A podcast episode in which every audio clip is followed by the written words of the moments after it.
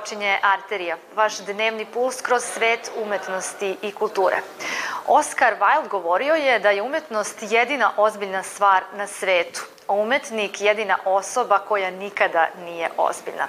Zato mi ovog četvrtka promišljamo o ozbiljnim temama, a neke od njih su umetnički žig dva novosođanina Arsenija Teodorovića i Arsenija Markovića u Križevačkoj eparhiji atmosfera trećeg dana Kustendorfa, nova arheološka istraživanja u Viminacijumu.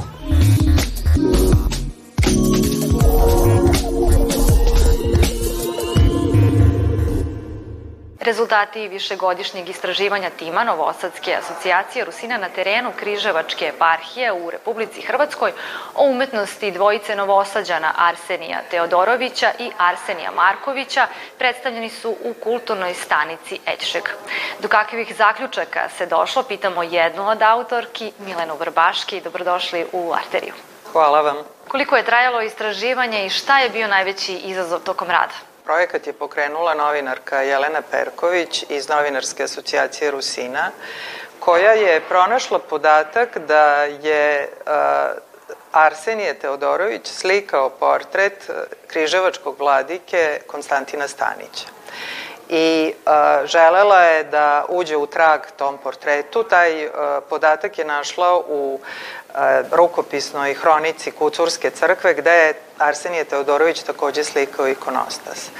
Uglavnom, portret se nije tada tamo nalazio već, nego uh, daljim istraživanjem je došla do podatka da se on nalazi u Križevcima. I mi smo krenuli u Križevce tražeći taj portret ali ga u Križevcima nismo našli, nego smo ga našli u Zagrebu, u Grko-katoličkom sjemeništu i e, sa nama je tada bila i ekipa televizije Vojvodine koja je snimala emisiju o tom portretu i o potrazi za tim portretom. Međutim, tamo smo u razgovoru sa um, rektorom koji nam je rekao da je naš slikar Marković i autor ikonostasa koji se nekada nalazi u Križevačkoj katedrali.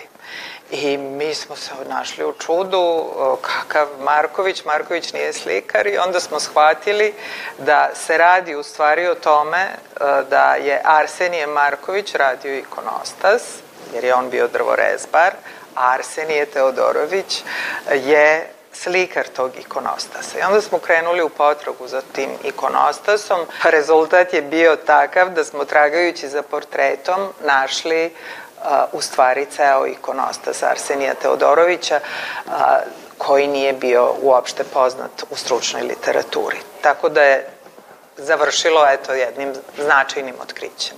Do kakvih zaključaka ste došli i šta je najznačajnije što ste tokom ovog projekta otkrili?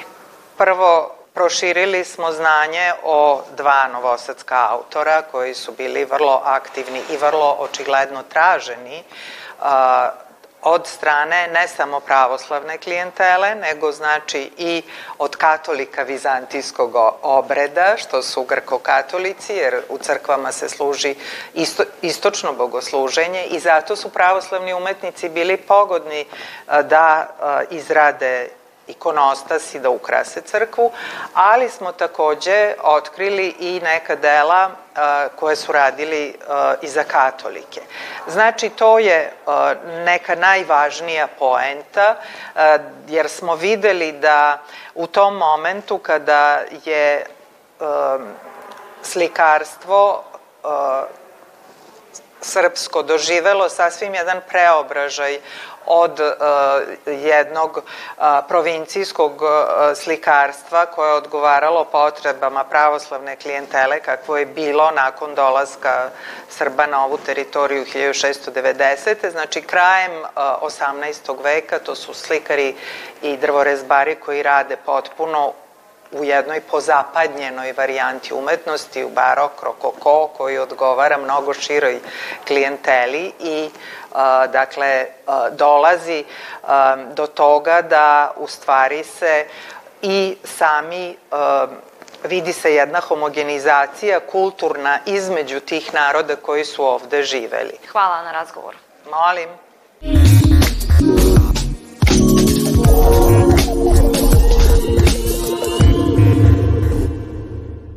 Na 17. filmskom festivalu Kustendorf u okviru programa Novi autori prikazan je i film Moja švajcarska vojska švajcarskog reditelja srpskih korena Luke Popadića.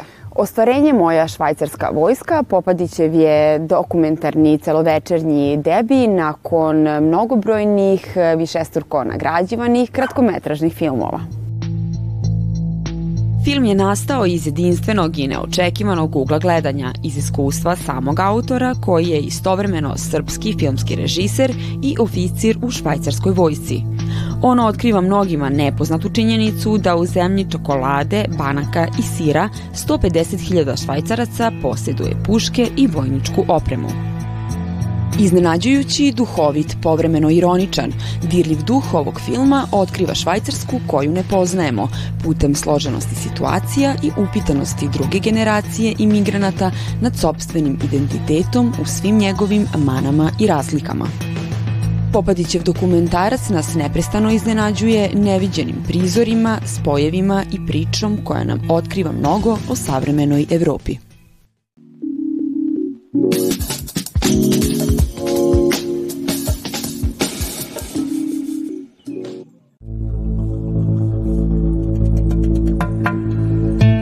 Istoriji i životu na ovim prostorima svedoči i najnovije otkriće naših arheologa. Triumfalna kapija, jedan od zaštitnih znakova arhitektonskog nasleđa rimske civilizacije, pronađena je u drevnom gradu Viminacijumu na istoku Srbije.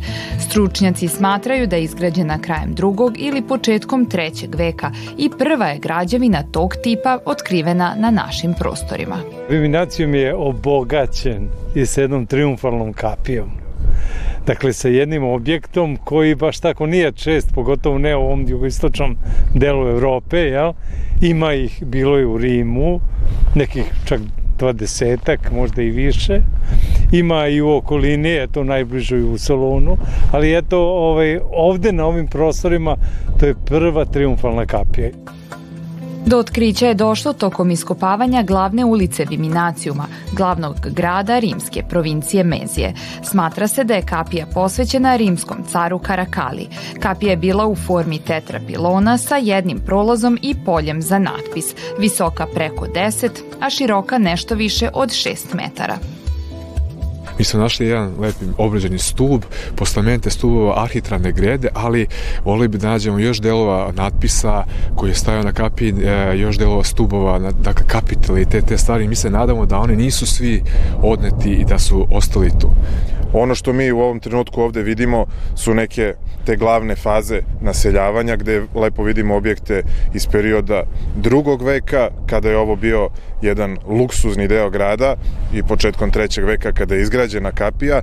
Na osnovu čega to znamo, mi saznajemo kakvi su bili zapravo ukusi i navike stanovništva u ovom delu grada, pa tako imamo keramiku koja je uvezena, imamo amfore sa Rodosa u kojima je dopremano vino, imamo amfore sa Crnog mora, Kapije ovog tipa gradile su se sa ciljem proslavljanja vojnih pobeda. Dosadašnje otkrića uključuju dva rimska broda, zlatne pločice, novčiće, skulpture od žada, religiozne predmete, mozaike, freske i oružje.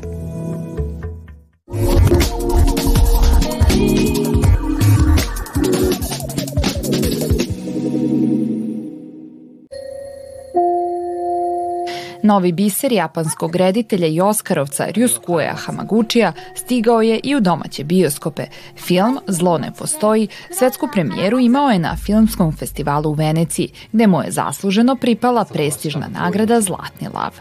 Nadahnut lepotama svoje zemlje, reditelj ispreda priču o Takumiju i njegovoj ćerki Hani, koji žive u maloj zajednici u skladu sa zakonima prirode, neopterećeni problemima gradskog čoveka.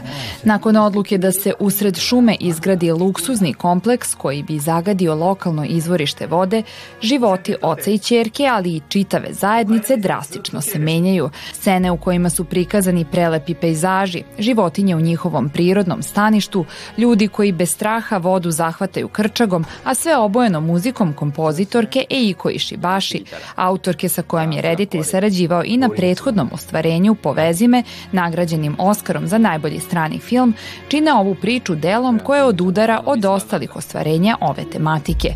Bez agresivnih protesta, borbe sa vlastima, sukoba i buke, reditelj je prikazao azijsku kulturu i potpuno drugačiji način odnosa prema određenom problemu, sofisticirano poručivši da zlo ne mora da postoji. Ovom pričom privodimo kraju večerašnju emisiju. Nadamo se da smo obogatili vaš svet. Budite sa nama i sutra u dobro poznatom terminu. A do tada, svako dobro.